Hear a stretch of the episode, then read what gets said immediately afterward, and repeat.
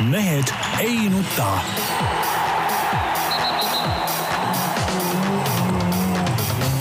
mehed ei nuta. selle eest, et mehed ei nutaks, kannab hoolt Unibet, mängijatelt mängijatele.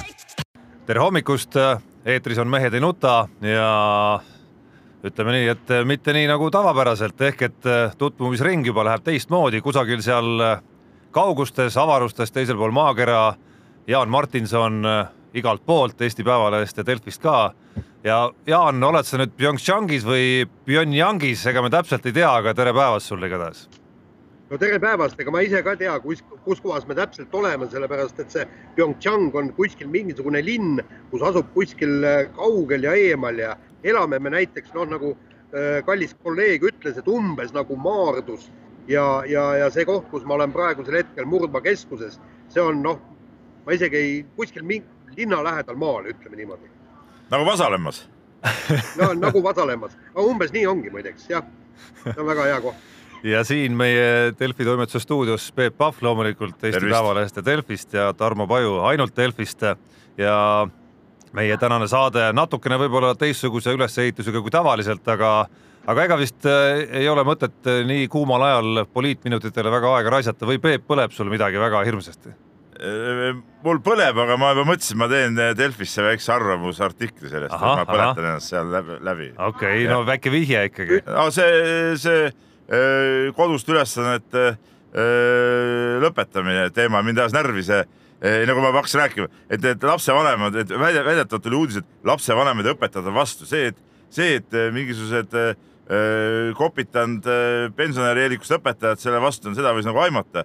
seda aga, et lapsevanemad üritavad oma tegemata jätmisi ja, ja oma laiskust nüüd selle kaela veeretada, et lastel peaks olema mingisugune harjumus, õpiharjumus ja tööharjumus seoses kodus töödega, no see on, see näitab nüüd lapsevanemate totrust nagu, et, et saab teha igasuguseid muid, muid palju kasulikumaid ja huvitavamaid ülesandeid lastele, mida nad peavad iga päev kodus tegema, näiteks ma ei tea, kasvõi teatud meetrite peenra rohimine, ahjupuude koju toomine, nõude pesemine, ma ei tea, loomade söötmine, koerad, kassid, värgid ja vot, vot see, need on nagu reaalse elu asjad, et ei ole vaja ei ole vaja siin äh, neid õppimist kodus teha, et ega ta ise ei taha ka ju, ju võtta ju töölt koju kaasa ja hakata nagu teist tööpäeva kodus tegema, et, et saage sellest aru lihtsalt. no nüüd sa suutsid muidugi ikkagi oma. kogu oma kommentaari ütlesid ära. no siis ma ei peaks ju kirjutama. Nii no,, aga. samas, samas ma ütlen ka nii, nii palju, et, et mina olen ju ka siin vist kõige rohkem nagu poliitika keskel olnud, et, et sai, sain natukene Äh, presidendi proualt sarjata, kui temaga intervjuud tegin, et äh, hakkasin rääkima seal, et jah, et noh, et mõned siin ikka kirjutavad nagu äh, põhjendamatult kriitilisi artikleid ja et, et see umbes, et ei ole ilus.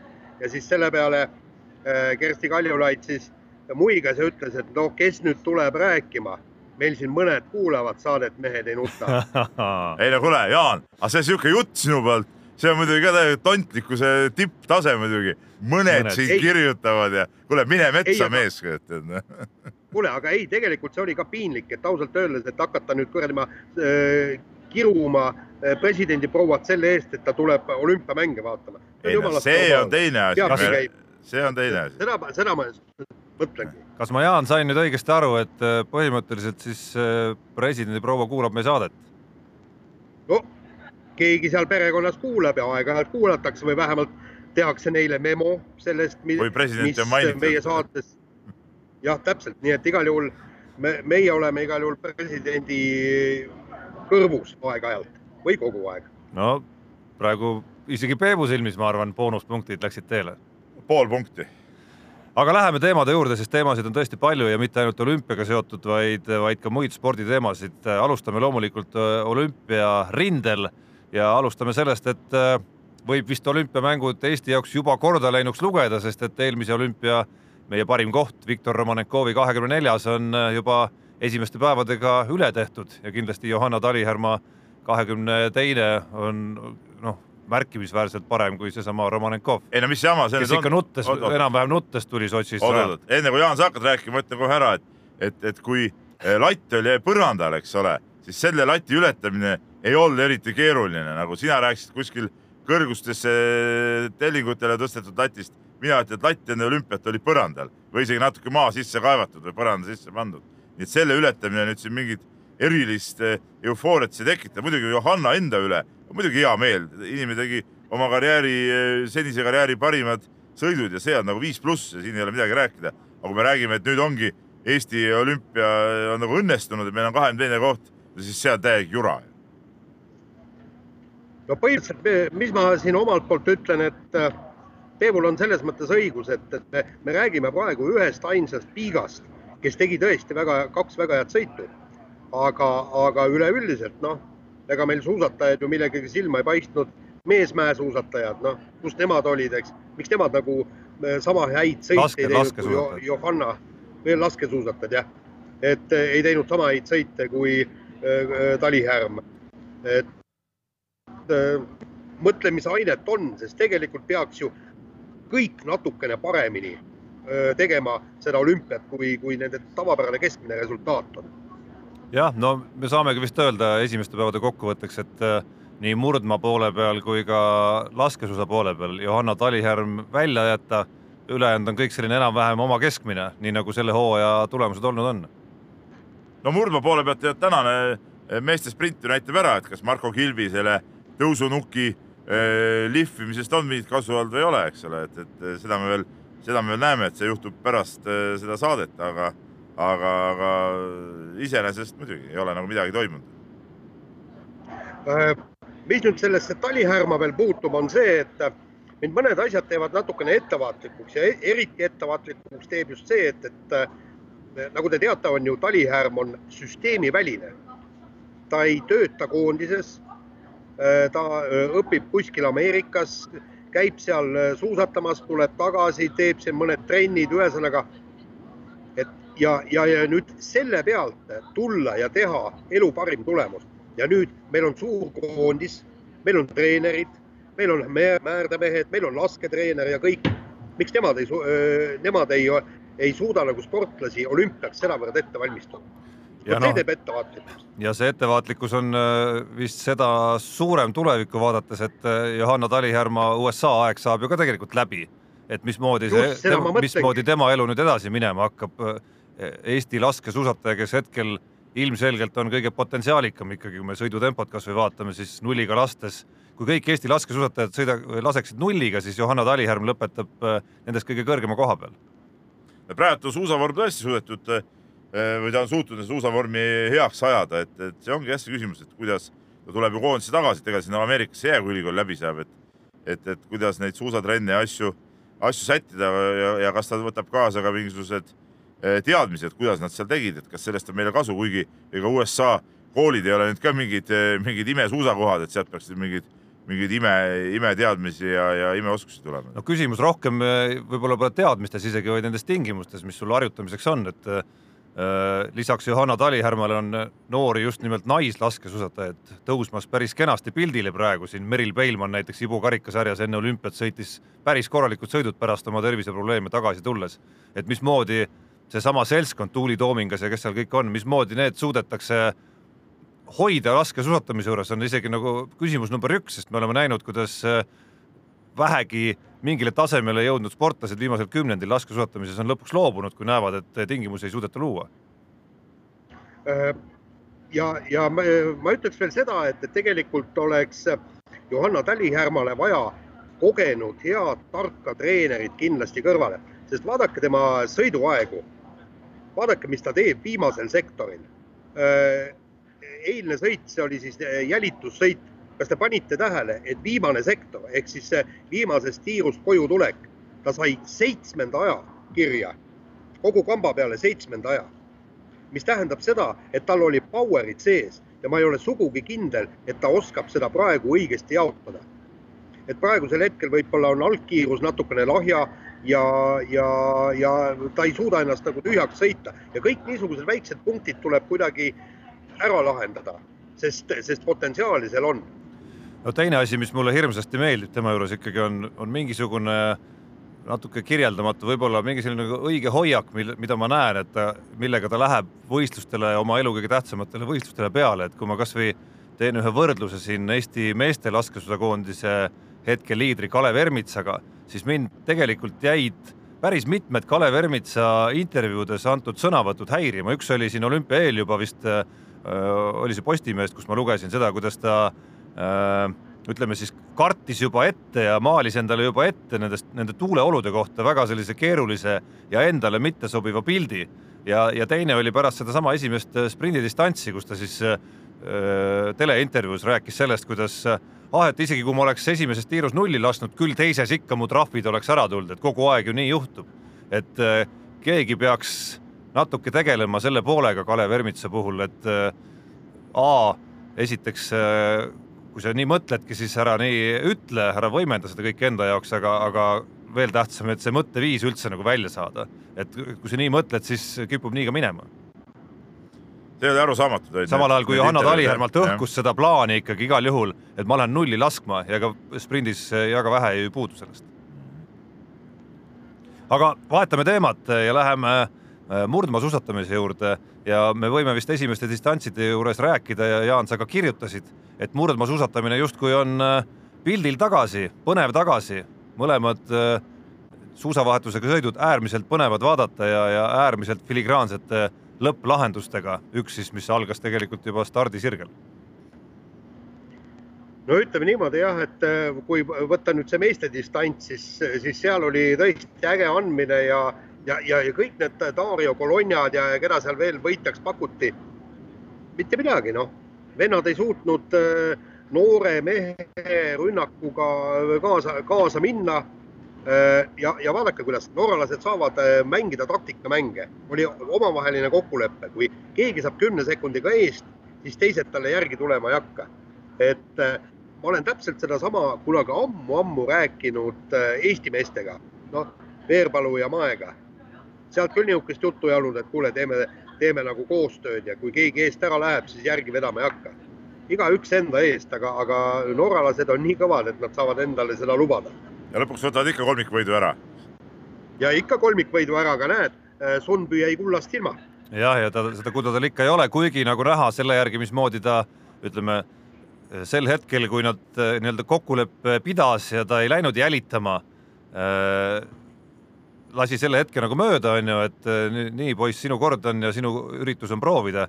et see, kuidas ta pärast hakkas ikkagi hõbeda nimel pingutama ja kui lähedale ta jõudis, näitas, et, et jõu poolest oleks ta võinud tegelikult eh, järele minna küll kohe talle. nojah, kokkulepe on kokkulepe, selles suhtes nagu kõik pidas ja, ja, ja ma ei näinud nagu Sundby oleks ka väga kurb olnud seal eh, finišis, minu arust ta oli päris, päris rahulolev oma selle tulemusega. ja noh, naistevõistlus, Jaan, nagu sa kirjeldasid sama teema ju põhimõtteliselt, et äh, annab küll isegi nii rasketes oludes õigesti kohta, aega, ajastust valides äh, asju filigraanselt lahendada nii, et see ei jääks lõpus sirge peale. No rasketes oludes ongi lihtsam no, asju lahendada. jah, aga tegelikult eks, eks ta oli, äh, oli üllatus, kui Charlotte Kalla äh, nii, nii-öelda äh, tagantpoolt kolmandal tõusul juba ründas. ma arvan, et seal oli probleem selles, et Marit Björgen lihtsalt ei oodanud seda rünnakut et, et nii varast rünnakut, aga kui Kalla läks, tõmbas kohe vahe sisse mingisugune seitse sekundit hetkega ja, ja, ja, ja siis edasi nad sõitsid mõlemad võrdses tempos. Nii et, äh, et, et selle, selle üllatusrünnakuga lihtsalt neiu võttis endale kulla. Aga räägi, Jaan, sellest, äh, mida, mida koha peal osatakse ikkagi rääkida sellest äh, no nii-öelda põrumiste lainest, mis on tabanud siin noh, eelkõige norralasi loomulikult, alustades laskesuusatajatest, eesotsas Johannes Tingnes Pööga ja lõpetades siis murdmaässadega, nii naiste staaridega kui ka siis meeste tänavuse hooaja valitseja Kläboga no ütleme niimoodi, et, et kõik on, kõik on täielikus hämmingus, norralased ütlevad, et nad on äh, kriisikoosolekud kokku kutsunud, aga noh no,, ega nad põhjustest ju väga palju ei räägi ja, ja ma olen siin proovinud Norra lehti ka lugeda, ega sealt väga täpselt aru ei saa, aga noh, tähendab äh, kõige, äh, kõige lahedamalt imestasid muidugi venelased. ütlesid, et kuulge mehed, norralaste kohta, et mis te jamate nüüd. Te võtsite kümnekordse koguse äh, astmaravimit kaasa. et mis mõttes, kurat, et kuidagi hakkama ei saa. ja siis niisugune veel üks irooniline küsimus, et kas muud pillid jäid teil koju või? no küsimus on võib-olla õigustatud, et milles asi siis kui, kui rohud on tõesti sisse võetud või, või ei ole võetud, eks ole. et see on, see on huvitav, aga, aga, aga mis siin rääkida nii tead nii, nii Pöe kui, kui Kläbo on ju tegelikult olümpia mõistes ikkagi eh, nagu kollanokad ja, ja, ja siuksed vennad tihtipeale on ikkagi kõige tipuma või kõige tähtsamas võistluses esimesel korral läbi kõrbenud. no ja, aga, aga näed, nojah, seda võib küll öelda, näed, Fourcade ju ka äh, laskesuusas esimesel distantsil kõrbes ja teisel tegi, tegi ikkagi oma töö filigraanselt ära. jah, samas kui Johannes. aga muidugi. aga Fourcade ei olegi kollanokk, selles ongi see vahe, noh. ei no ja, aga kes oli see Saksa, Saksa kelgutaja, kes läks oma kolmandat kulda võtma ja, ja väristas, väristas samamoodi ära ja siin on ka neid suuri staare ära väristanud äh, küll ja veel no,. et need on äh, kummalised olümpiamängud siiamaani. seda küll jah, ma seda kälgutamisvõistlust isegi, isegi vaatasin ja see oli, see oli tõesti ka sihuke omapäraselt põnev äh, kaasaelamine. kusjuures huvitav on see, et siit ei jookse nagu kõrvalt vaadates nüüd mingit väga selget mustrit ka välja, okei okay,, meeste murdmaavõitja, tema, tema eri, eristus muust seltskonnast kindlasti selle poolest, et ta sel hooajal väga palju võistelnud ei olnud võrreldes eriti selle seltskonnaga, kes käis Tour de Ski'l.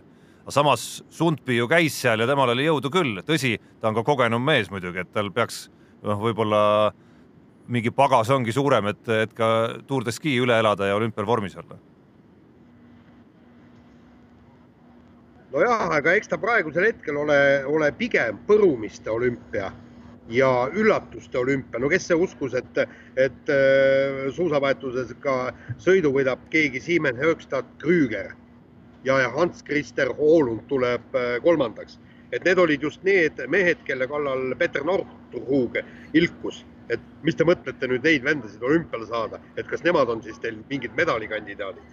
palun, kaks medalit. ei no aga see ongi nagu lahe iseenesest, et see olümpia on intrigeerivalt alanud ja ja piisavalt on ju distants sees, et, et siin saab veel ütleme, on vanameistritel ja, ja nii-öelda eeldatavate liidrite võimalus ka ennast rehabiliteerida veel, et, et et põnevus nagu sellega on nagu garanteeritud juba. ja et iseenesest Martin Fourcade'i triumf pärast äh, esimese ala altminekut tegigi selle teise triumfi ju nagu efektsemaks. tegi efektsemaks, see tuli isegi natuke liiga, liiga kergelt nagu või, või ütleme, seal nagu seda võitlust nagu ei tekkinudki, et noh, sellest sai natuke kahju. aga jah ja,, Jaan ei, ma tahtsin lihtsalt öelda, et sellesamas jälitussõidus ju teiseks tuli rootslane, keegi, mis ta oligi, Samuelson, Samuelson.? jah, kahekümne aastane vist. just täpselt, jah, kahekümne aastane ja, ja, ja vend on täpselt eh, tänavu olnud eh, Ermitsa tasemel, ehk siis eh, meie Kalev Ermits on tegelikult saanud MK-etappidel kõrgema koha. meie poiss on olnud neljateistkümnes, tema on olnud kahekümne kolmas parimal juhul ja nüüd tuleb, võtab hõbeda ja kogu aeg imestan, et miks meil ei ole niisugust üllatajat. ja me nägime meeste laskesuusa sprindis, seal ju võitis medali äh, Michal Krõtšmar, kes okei okay,, on olnud äh, ikkagi vähe kõvemal tasemel kui meie laskesuusatajad, on, on ka seal äh, ütleme esikuuikus olnud MK-etapil, ehk siis pigem selline võib-olla tippaegade Eveli Saue tase, aga ikkagi tema tuli ja suutis võita, meil selliseid näiteid ikkagi noh, sisuliselt pärast, ma ei tea, Maa ja Veerpalu esiletõusu ei ole ja ega Mae ja Veerpalu, nad ei tulnud ka üllatuslikult äkki kuhugi. et neil oli ikka kõva pagas all, neil oli häid tulemusi tehtud. Äh, nii, aga selle olümpia üks peategelasi, Jaan, ja sina oskad nüüd sellest äh, nii-öelda hands-on rääkida ise kõige täpsemini, on see tuul ikkagi, mis äh, juba kolmandat päeva mõjutab nii võistluste ajakava kui ka mõjutab tegelikult võistluste käiku no ütleme niimoodi, et ma praegu jälgin just arvutist siin Äh, kahevõistluse hüpet, äh, proovi või, või treeninghüppeid. ja, ja nüüd, kui ma kella pealt vaatan, siis on äh, umbes neljakümne viie minutiga on suutnud kakskümmend kuus venda hüpata. ehk siis, mis tähendab ja, ja kusjuures treeninghüpped lükati niigi nelikümmend viis minutit edasi. nii et, et, et see tuul tõesti mõjutab igalt poolt igast kandist ja kusjuures täna oli veel tegelikult see tuul vaibunud. sai, saadi kiirlaskumise võistlus läbi viia, no see on see Alpi kahevõistluse kiirlaskumine, aga, aga ikkagi rada tuli lühendada. ja, ja see, see tuul on siin ikkagi parajalt kõva küll, et, et ütleme niimoodi, et, et ma pole Eestis kaua aega pidanud käima niimoodi, et, et pool kookus ja, ja siis, kui tuul tagant on, et siis, siis vaatama, et, et põlv endal äh, katki ei jookse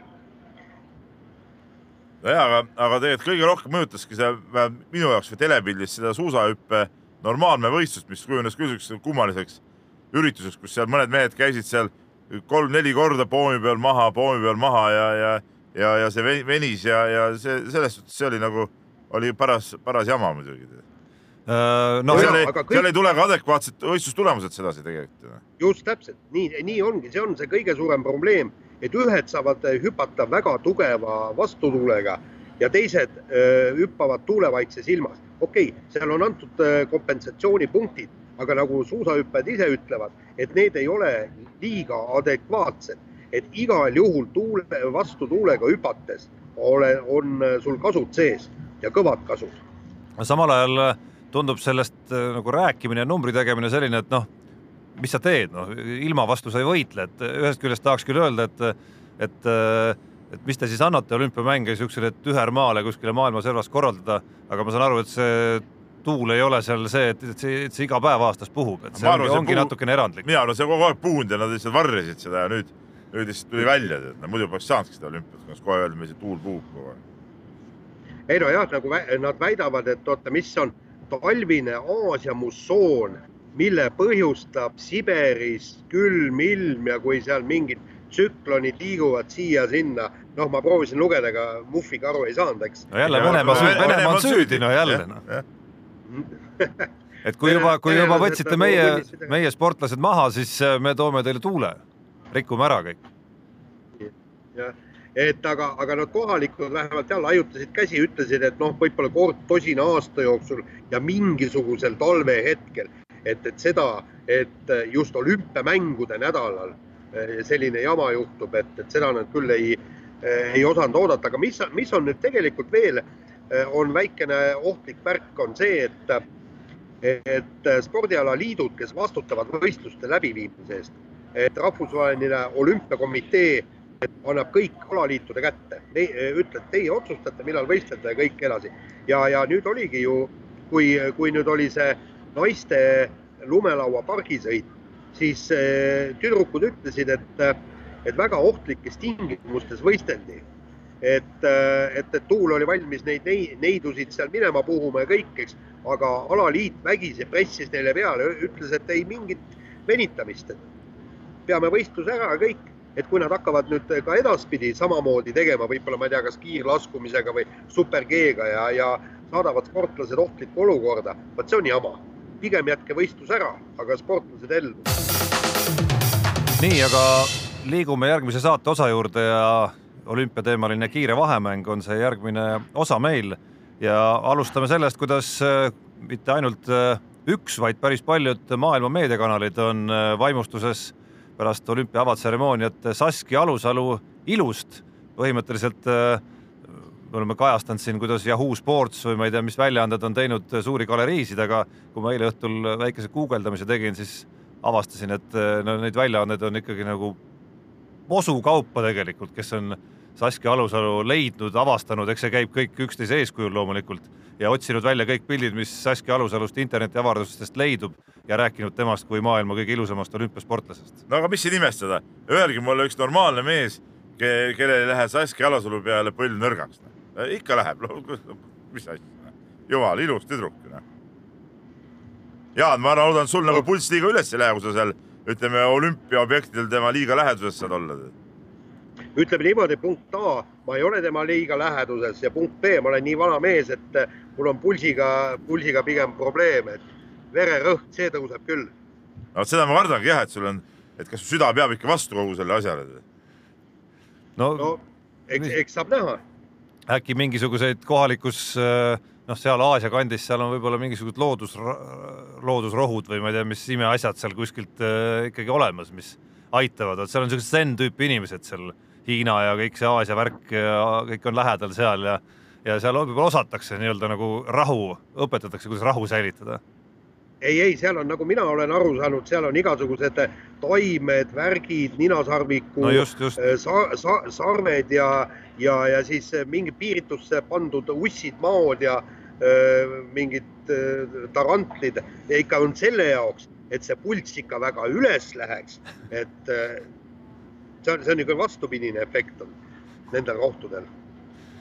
No ühesõnaga, kui te seal tööülesandeid jagate, siis äh, naiste kiirusuvõistlustele ma loodan, et äh, ikkagi läheb noorem mees Madis, et äh, vähemalt ta jääb ellu. see on veel ohtlikum. ei no ta jääb ellu See on- vähemalt, vaata. see on veel ohtlikum, ta ütleb ei, noorel mehel eh, veri vemmeldab, eks ole, hormoonid möllavad, ei, seal pole midagi lihtsat. ma pigem ikkagi panustaksin Jaani peale, ma peangi need töökäsud nagu ringi tegema.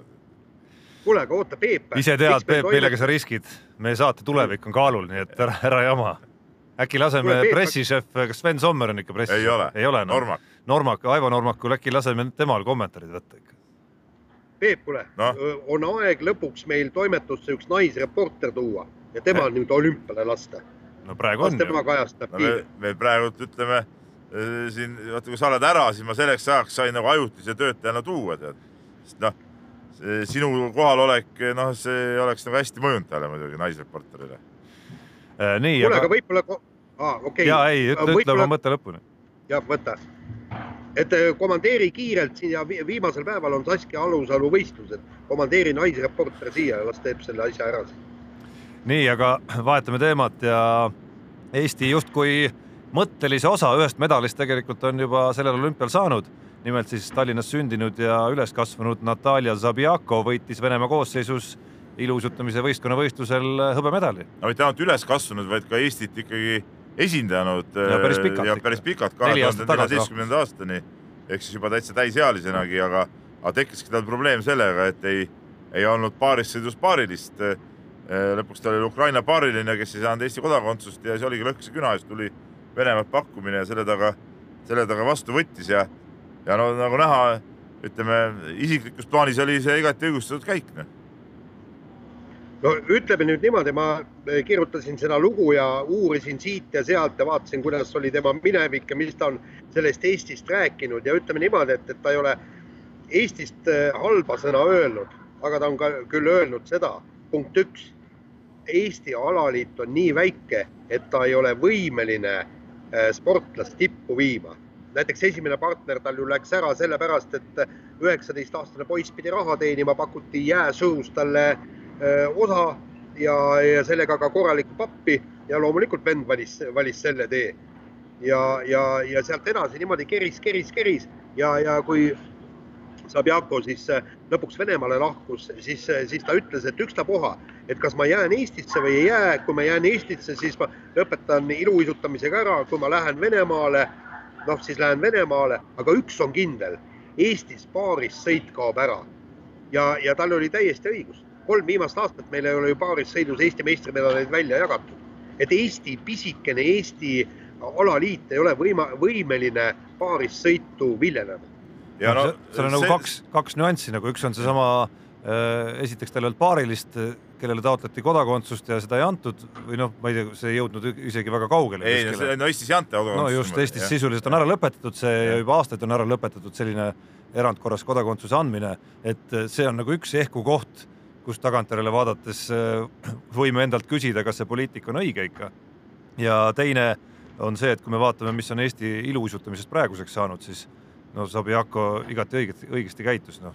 no see ongi nagu, et, et kui me mõtleme niimoodi, et kodakondsuse vahetamine iseenesest noh, seda ei saa nagu eriti heaks kiita, aga, ma eile tegin äh, meie Delfi olümpiastuudiot ja seal oli mul külas üks ilusataja Johanna Allik, kes, kes äh, oli Sabjakoga omal ajal koos treeninud ja, ja, ja võistelnud ja, ja tema nagu sportlase seisukohast väga selgelt ja, ja, ja arusaadavalt seletas ära, et, et see oli tal nagu ainus võimalus midagi saavutada ja kuhugi jõuda ja, ja see samm tuli teha ja sportlasena teda kindlasti sellepärast hukka mõista ei saa tegelikult.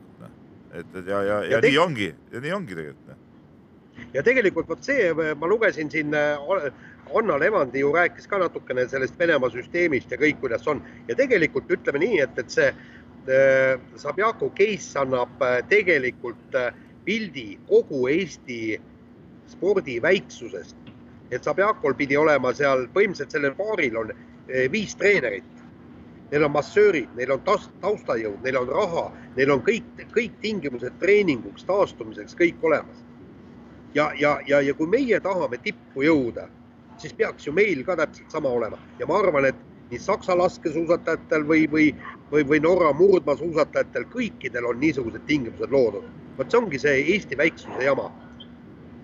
ja kusjuures äh, ajal, kui ta lahkus, ta ei olnud ikkagi noh, ütleme paarina ta ei olnud veel ju üldse sellel tasemel, mis ta praegu on. aga temas nähti potentsiaali teda kutsusid jaa, ikkagi need nähti Venemaa tipptreenerid. aga ehk, aga ta on teinud päris pika teekonna Jah. läbi ikkagi nendel neljal aastal, mis ta siit ära on läinud. ja nüüd nad eh, said ju EM-i pronksi, nüüd olümpiavõistkonnavõistluses hõbe ja noh, olümpia individuaalvõistlus ootab veel ees, et, et selles suhtes muidugi on, on suurepärane.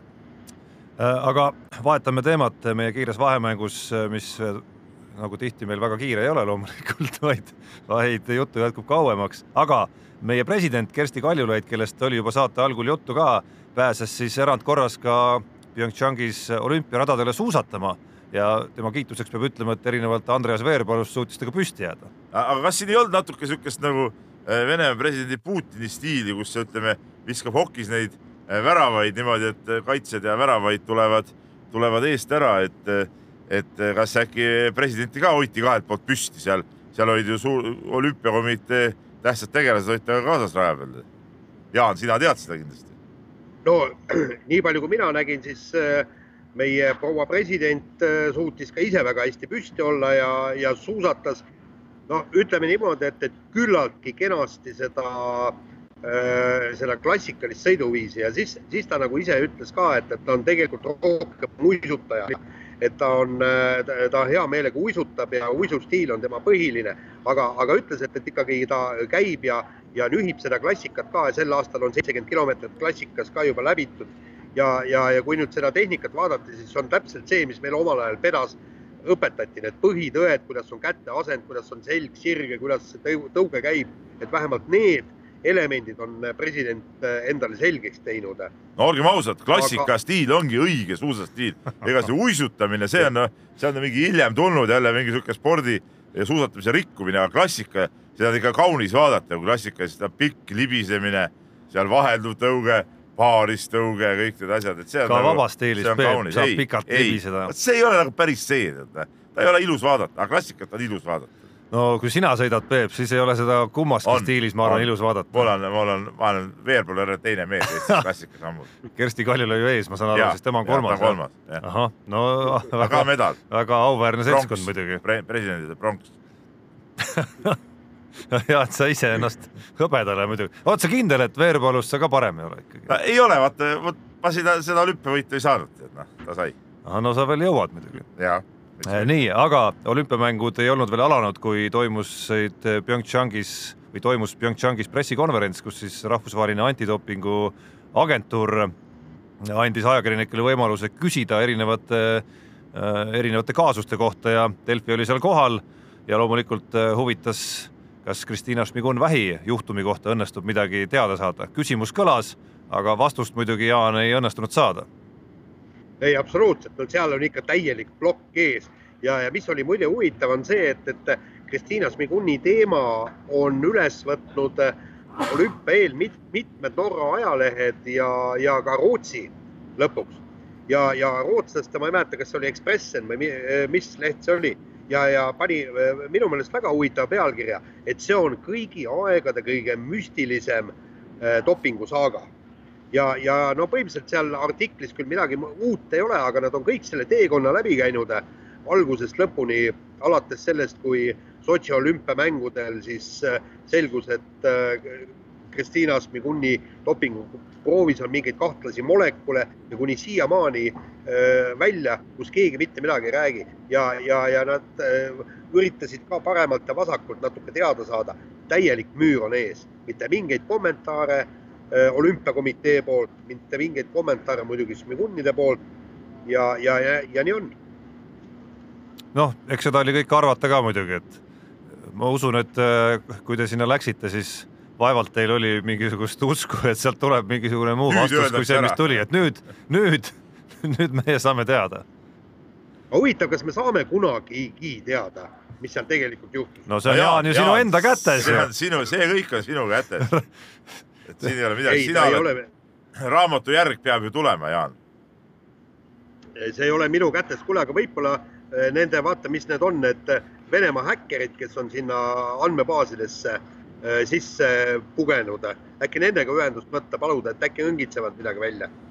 aga sul on kõik võimalused olemas seal, võtad nendega ühendust, nad on seal kohapeal või kus nad sisse ei ole kahjuks jah. kus nad sisse muukisid sinna sellesse sellesse avatseremoonia mingit asja ka ju. no selleks ei pea Äkki- koha ei, peal Peep olema pea., võin öelda sulle. nojah, internetiühendusest piisab. no vot, kahju. aga kirjuta Skype'i neile. Äh, nii, aga kiire vahemängu lõpetuseks äh, Eesti sportlastele üks rõõmu-uudis vähemalt on olümpial olnud, ehk siis see, et äh, otsustati üheskoos, et äh, kuna viiruse ohud on väga suured, tippsportlaste organismid on väga tundlikud, siis äh, kui ajakirjanikud kohtuvad sportlastega, siis kätt suruma ei hakata, lehvitatakse lihtsalt. ehk et Eesti delegatsioon on pääsenud Jaaniga käe surumisest. mitte ainult käesurustus, Jaani totrast kombest ka mingeid naissportlasi kallistada.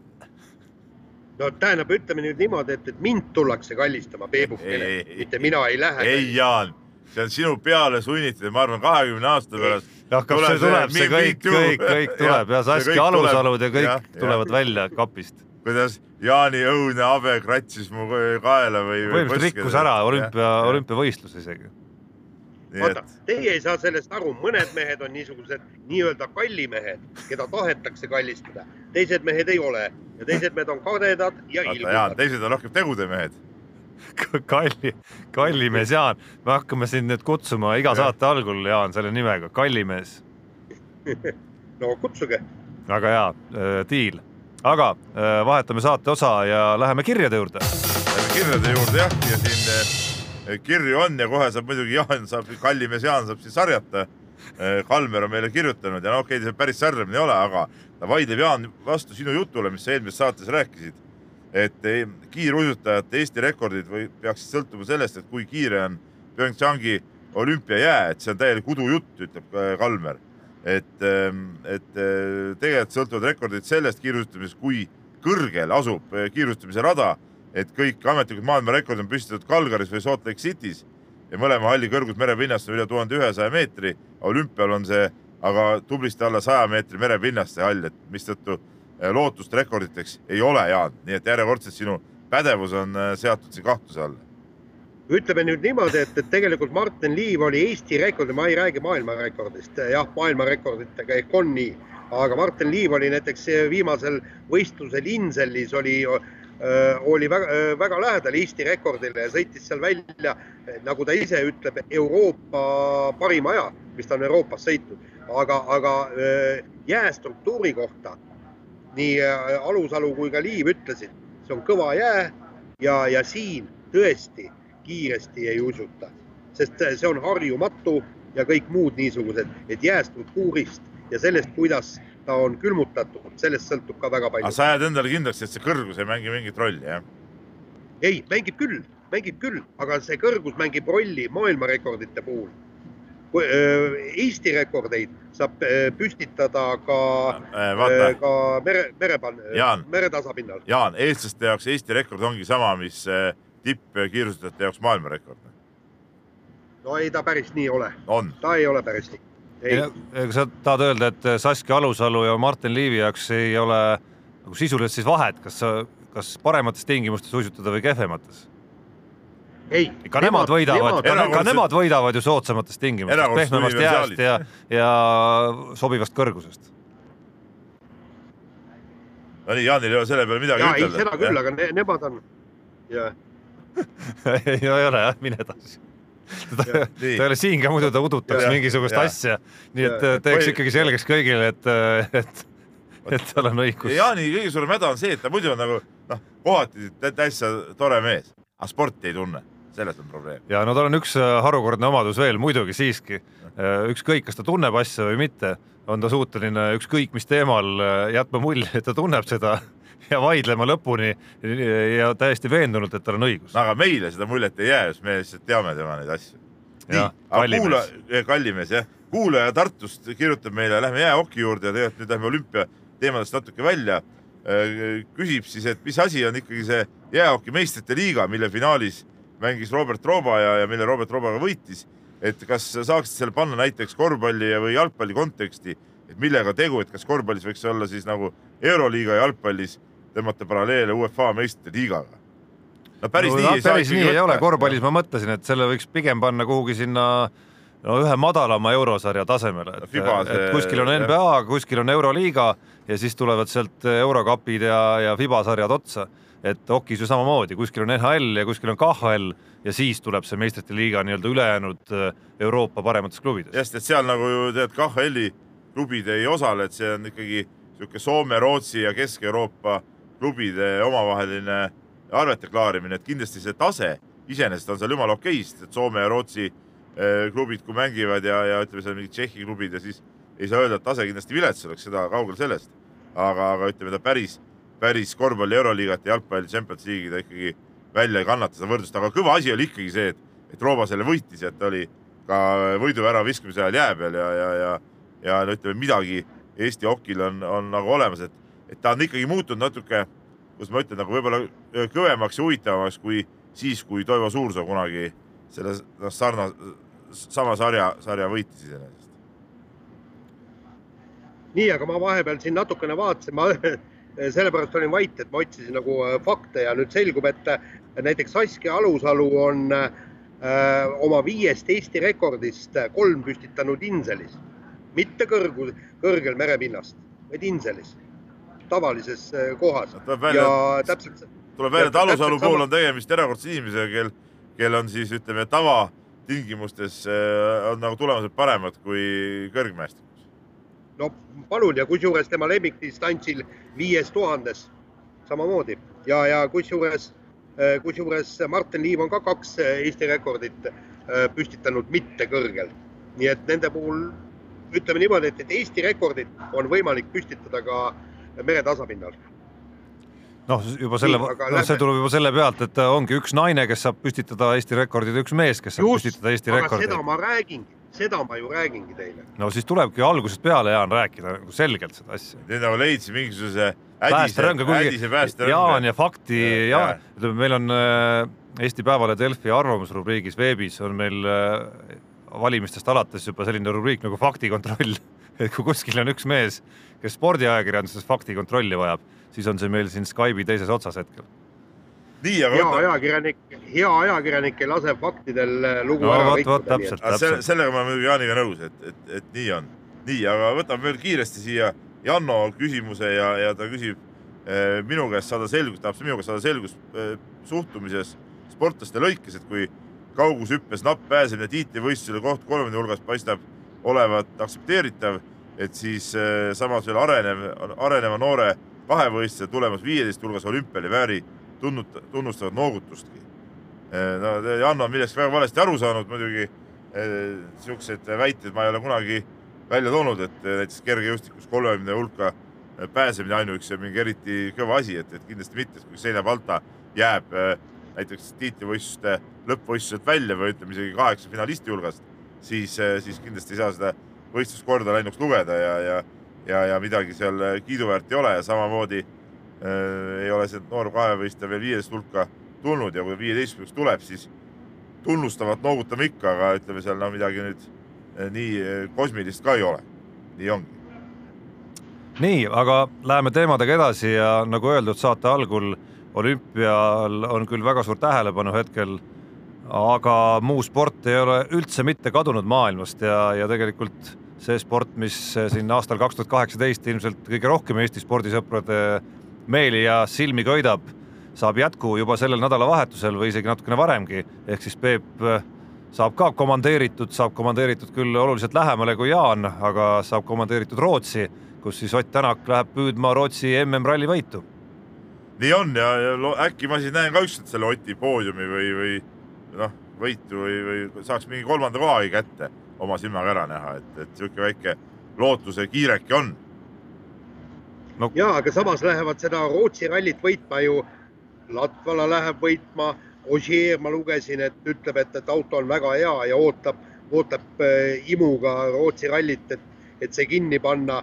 Äh, Hyundai vennad äh, täpselt sama, ütlevad, et nüüd teeme restardi ja nüüd paneme selle Rootsi ralli kinni.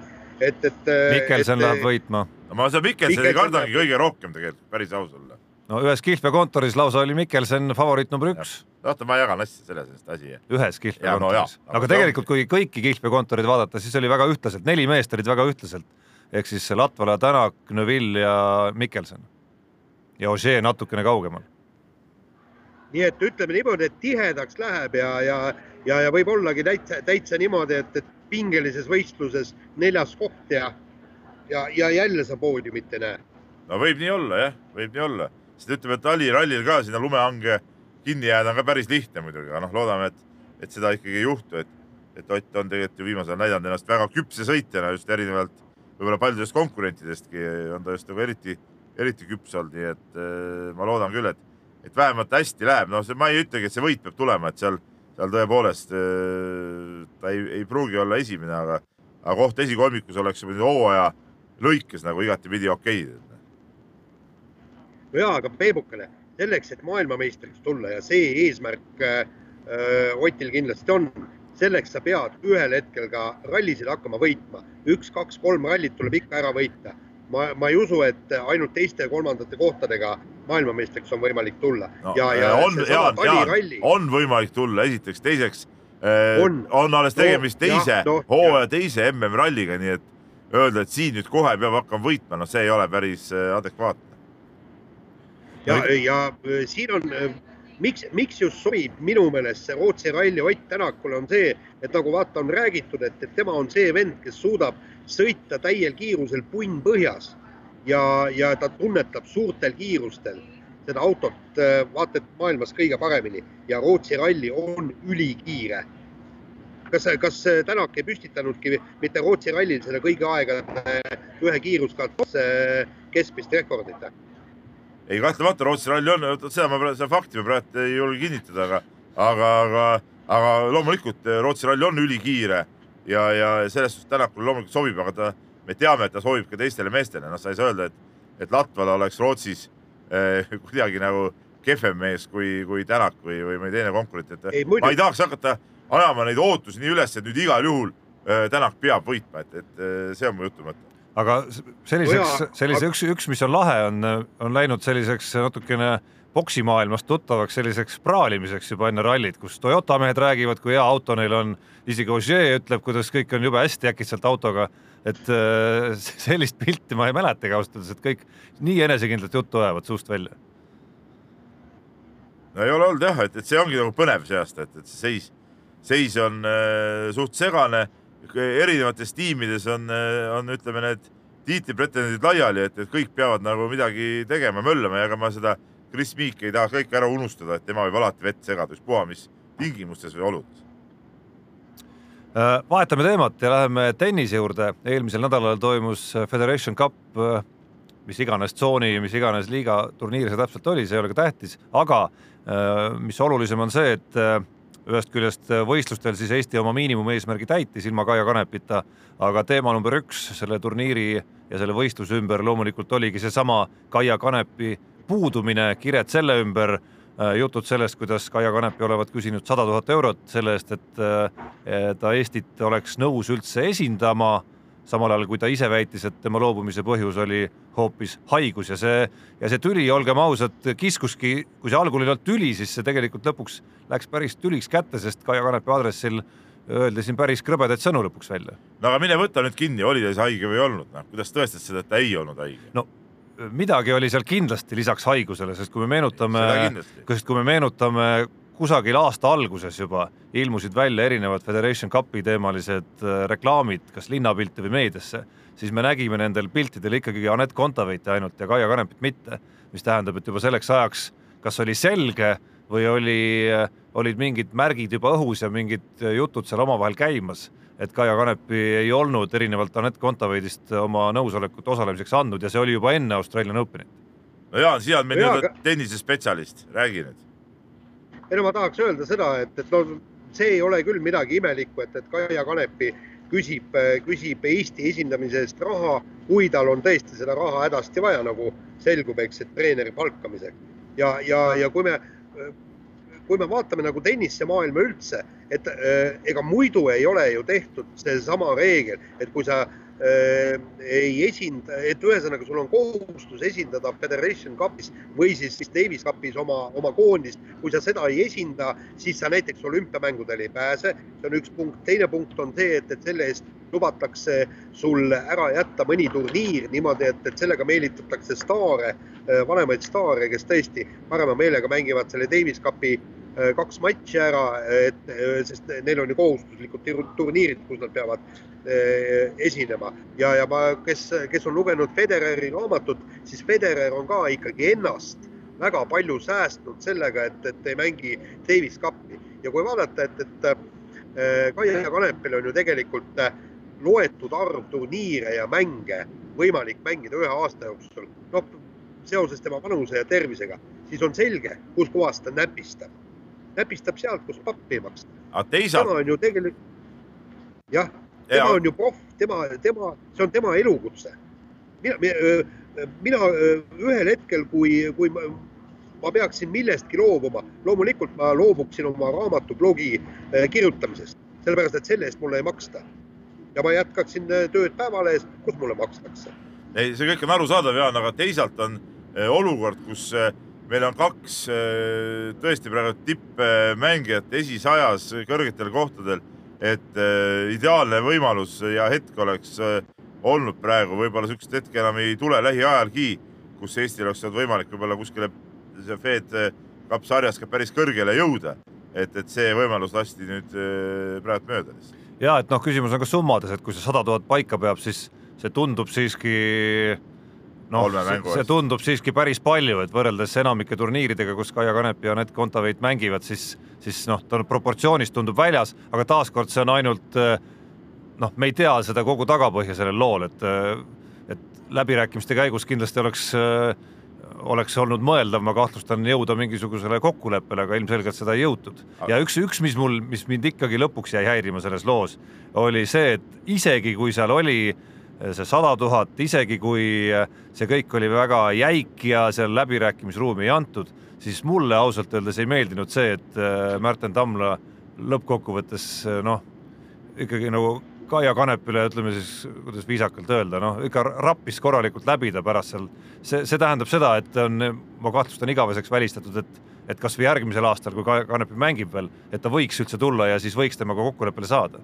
seda enam. seda, see nüüd Eesti tennisele kindlasti kasu ei tulnud, kui omavahel veel sel teemal läks avalikuks kraaklemiseks. seda enam, et eh, vaatame ajalukku, kui palju Kanepi on eh, naiskonda aidanud tegelikult selles sarjas, et, et me ei saa öelda, et ta ei ole, ei ole nagu midagi teinud, tegemist on väga staažika eh, Fed Cup naiskonna mängijaga ja, ja, ja ta on saanud siin palju vägevaid võite ka, nii et, et selles suhtes võib-olla on natuke tõepoolest ülekohtune või mitte natuke ülekohtune, vaid on tiba ülekohtune see, see selline suhtumine, aga teisalt jälle, eks Kanepi omapoolsed need, need väited ja jutud on ka sellised natuke kummalust, imelikku tunnet tekitavad, kui ta räägib, et näiteks, et ta ei taha võib-olla äh, Wimbledoni turniiril võistelda, samas tal on rahamure, samas ta on esisaja mängija, ainuüksi esimesse ringi pääsemine annaks talle päris korraliku kopika seal rahamurede leevendamiseks ka, nii et siin on ka selliseid küsitavaid momente ja nüansse nagu päris palju. Äh, vahetame teemat, Jaan, oled sa veel liinil ja saad edasi olla või laseme su vabaks vahepeal? tead, tead, ma laseks nüüd jalga, sellepärast et äh, hakkab äh, kahekümne kaheksa minuti pärast sprindivõistlus ja ma peaksin ennast nagu positsioonile seadma. vahepeal ütlen ka, et Kristjan Ilves on treeninghüppe ära teinud. noh, nii ja naa, et praegusel hetkel on kaheksandal kohal, hüppas üheksakümmend seitse meetrit ja Go Yamamoto on kõige kõvem hüppaja sada viis meetrit, nii et äh, arvestades, et äh, ja, ja siin on punktivahe on ka päris, päris korralik, nii et, et Ilves ei ole nagu seda hüpet veel siin leidnud, aga, aga täna on veel paar proovihüpet äh, ees ja, ja homme siis läheb tõsiseks andmiseks, nii et hoiame kindlasti Kristjan Ilvesele pöialt, aga mina nüüd lahkun ja. no ega siin ei ole, siin ei ole siis muud kui Eestimaalt ahtung, ahtung PyeongChangi, kallimees on liikvel yeah.. et olge kõik ettevaatlikud nüüd. jah, jah. ja, ja just jõudu sulle, Jaan, sinna. ja mine nüüd kallisid tegema, me Peebuga paneme saatele kahekesi punkti ja paneme paari korvpalliteemaga. ehk siis teema number üks on see, et äh, ootamatult BC äh, Kalev Cramo koduses korvpalliliigas äh, leidis kaotuse, leidis selle Tartu Ülikoolilt. no ma leian, et sellest ei ole tegelikult iseenesest mitte midagi ja, ja, ja ega ei pea vägisi ajama taga mingisugust seeriat, et kõik mängud hooajal tuleb kodus võita, et kui see on nagu selle nimel, et näiteks äh, ühisliigas äh, mängida kõvemini, siis mul ei ole nende kaotuste vastu midagi ja, ja tegelikult eilne mäng Kaasen äh, Unixiga näitas ka, et noh, tegelikult meeskond oli ju, ju Unix, kes on teinud suurepärast hooaega ühisliigas nende vastu ju kogu aeg mängus ja, ja midagi, midagi hullu seal ei olnud. küll aga oli muidugi kummaline see, et vot siin on nagu üks nüanss muidugi, et nende kaotuste vastu oleks midagi, kui seal ütleme, noh, me palju sellest noorte värgist, et kasutatakse nooremaid mängijaid seal, keda Kalevil muidugi ei ole kasutada. et, et, et siis nagu need kaotused oleks võib-olla isegi rohkem aktsepteeritavad. praegu mängisid kõik põhimehed ja, ja jääd ikka alla, et see natuke paneb lihtsalt õlgu kehitama, aga, aga noh, tervikuna ma sellest väga suurt numbrit ei teeks. ja, ja kindlasti see ei tähenda seda, et Eesti tšempionaadil läheb kuidagi nagu huvitavaks, seda ma küll ei usu. no ma ka väga seda potentsiaali noh, kuidagi ei näe ikkagi, eriti vaadates, kuidas Kalev noh, hetkel siis selgelt eh, enda jaoks prioriteetsetes mängudes, nagu on see Kaasani Unixi kohtumine kasvõi eile, kuidas seal ikkagi asjad sujuvad päris kenasti ja vaadates seda graafikut, eh, mis nüüd BC Kalev Cramo VTB liiga sees ootab, ehk et neli järgmist kohtumist on need, mis eh, noh, võivad päris suure tõenäosusega otsustada selle, kas Kalev teeb ajalugu ja jõuab play-off'i või mitte, et siit on järjest tulemas ju kodus Nižni Novgorod, võõrsil Parma siis on võõrsil VEF ja siis on seal otsas veel Avtodor kodus. täpselt selline seeria ja need on täpselt neli mängu põhikonkurentidega. jah, neljast neli tuleb võtta. just, ja samal ajal näeme, noh, me oleme sellest rääkinud ka, et et kasvõi Euroliiga tasemel näeme seda, kuidas noh, Imki kasvõi jälle komistas juba teist korda ikkagi päris enda jaoks ikkagi päris nõrga vastase otsa. no ja Žalgiriski on ju Leedus ju kaotanud, nii et noh, sellest ei ole midagi rääkida. aga teine korvpalliteema, mida põgusalt siia lõppu, enne kui me saatele joone alla tõmbame, puudutab Eesti rahvuskoondist, kes on ka varsti kogunemas ja ka olümpiamängude ajal ehk et eh, seda sporti, mis olümpiamängude kõrvalt veel eh, tuleb meile, on päris kõvasti, noh, rahvusvahelisel areenil kasvõi meistrite liiga sel nädalal läheb ju play-off lahti, aga Eesti koondis ja kui Rain Veidemann on eh, nii-öelda kadunud selle koondise akna jaoks, siis uudis Itaaliast on teinegi ja see ütleb, et ka Siim-Sander Vene ei tule. no ma ütleks nii. ja temal et... mängude graafikut ja, sarnaselt Rain Veidemannile ei ole põhjenduseks tuua. ma ei, ei, ole rahul selle asjaga mis minu rahulolu siin muidugi otseselt maksab, aga, aga minu arust see olukord on nagu totter, et, et kui on koondise mängud ja, ja, ja mehed ei saa tuldud, noh siis, siis kuskil on mingisugune kala sees, noh, see ei ole nii, et, et kõik tulevad ja, ja nüüd järsku üks mees ei saa kuidagi nagu tuldud, et, et siin on punkt A, kas ei sobi eh, see koondis sellisena, kas ei sobi treener, kas ei sobi mingi mängu stiil, mingid asjad, mis, mis nagu hakkavad nii vastu, et ei taha kohe mitte kuidagi tulla. et need asjad võiks nagu ka selgeks rääkida ja siis nagu välja ütelda, et pugeda siin selle taha, et nüüd klubi ei lase ja, ja, ja vaja on seal harjuda ja olla, noh, see, see ei ole nagu päris, päris okei okay minu arust, et siin, siin on nagu ilmselt mingid, mingid nüansid sees, mis, mis vajaksid suuremat lahtirääkimist. no kõige rohkem saab see olla ikkagi Tiit Soku kätes, et mängijad tahaksid tulla tema koondisse absoluutselt Tiit Soku kätes saab see olla ja, ja, ja kas siin on nagu piisavalt ikkagi kõike tehtud, käidud, räägitud, selgitatud ja, ja no kas see on Soku kätes, et siin on ju koondisel nii-öelda mänedžerid, et suur kuulus Keijo Kuhi ju peasekretär on üldse koondise mänedžer, et noh, tal, tal on ju võimalik ju ka kaasa aidata siin, pluss ma ei tea, või isegi Jaak Salumees presidendi võiks siin ka sekkuda ja, ja aidata nagu veenda ja, ja rääkida, et, et kuidagi need asjad saaks klaariks ja me saaks ikka koondise mehed Äh, kõik kokku. seda, seda noh, kentsakas on vale sõna, aga noh, seda kurvem põhimõtteliselt, et vaatasin alles ühel õhtul Siim-Sander Vene mängu ühte, mida Tallinna TV näitas ja, ja väga see, ja see pilt, mis sealt avanes, oli väga sümpaatne, et loetud mängudega on ta ikkagi päris kasulikuks mängijaks suutnud tõusta, on ilmselgelt vormis. mulle tundub, et on äh, füüsiliselt äh, mingites detailides isegi paremaks läinud tänu, tänu või siis ütleme selle võistluspausi ajal ja vigastuspausi ajal treenides asju, mida ta sai treenida, et, et, et ta nägi päris hea välja ja Varese on hakanud päris hästi mängima ka. häid võite saadud, häid võite saadud ja, ja Venel on kindlasti oma roll seal äh, olnud olemas nendes võitudes, et, et seda kahju, seda suurem kahju muidugi, absoluutselt nõus. Aga tõmbame saatele joone alla, Jaan tänu eestlaste leiutisele püsis täitsa kenasti peaaegu tund aega meil liini peal ja järgmisel nädalal oleme taas eetris juba tuttaval ajal. kohtumiseni. mehed ei nuta.